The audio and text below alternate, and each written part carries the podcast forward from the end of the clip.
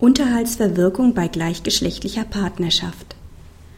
Bei Überprüfung des Vorliegens eines Härtegrundes nach 1579 Nummer 7 in Verbindung mit 1361 Absatz 3 BGB ist es unmaßgeblich, ob eine hetero- oder homosexuelle Beziehung aufgenommen wurde.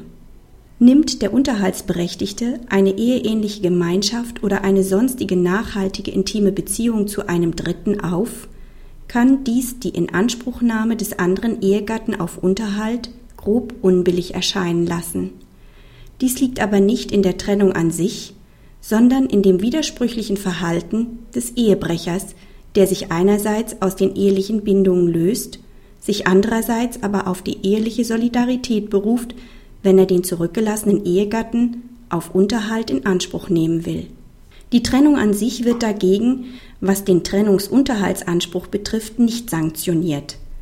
Ob der Tatbestand des Paragraphen 1579 Nummer 7 BGB erfüllt ist, hängt also nicht davon ab, ob die neue Beziehung homo- oder heterosexuell geführt wird.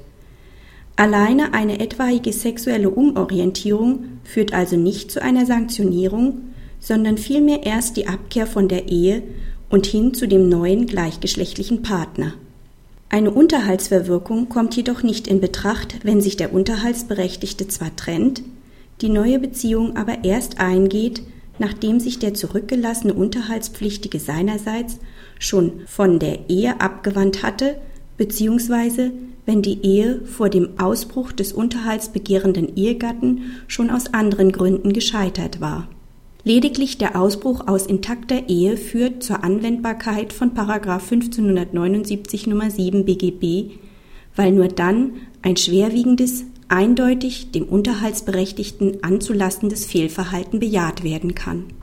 Praxishinweis Soweit der Tatbestand des Paragraphen 1579 BGB erfüllt ist, muss in einem weiteren Schritt geprüft werden, ob der Unterhaltsanspruch dann tatsächlich gänzlich zu versagen oder unter Berücksichtigung aller Umstände des Einzelfalls lediglich herabzusetzen oder zeitlich zu befristen ist. In der Praxis ist jedenfalls dann, wenn minderjährige Kinder vorhanden sind, ein vollständiger Ausschluss eher die Ausnahme.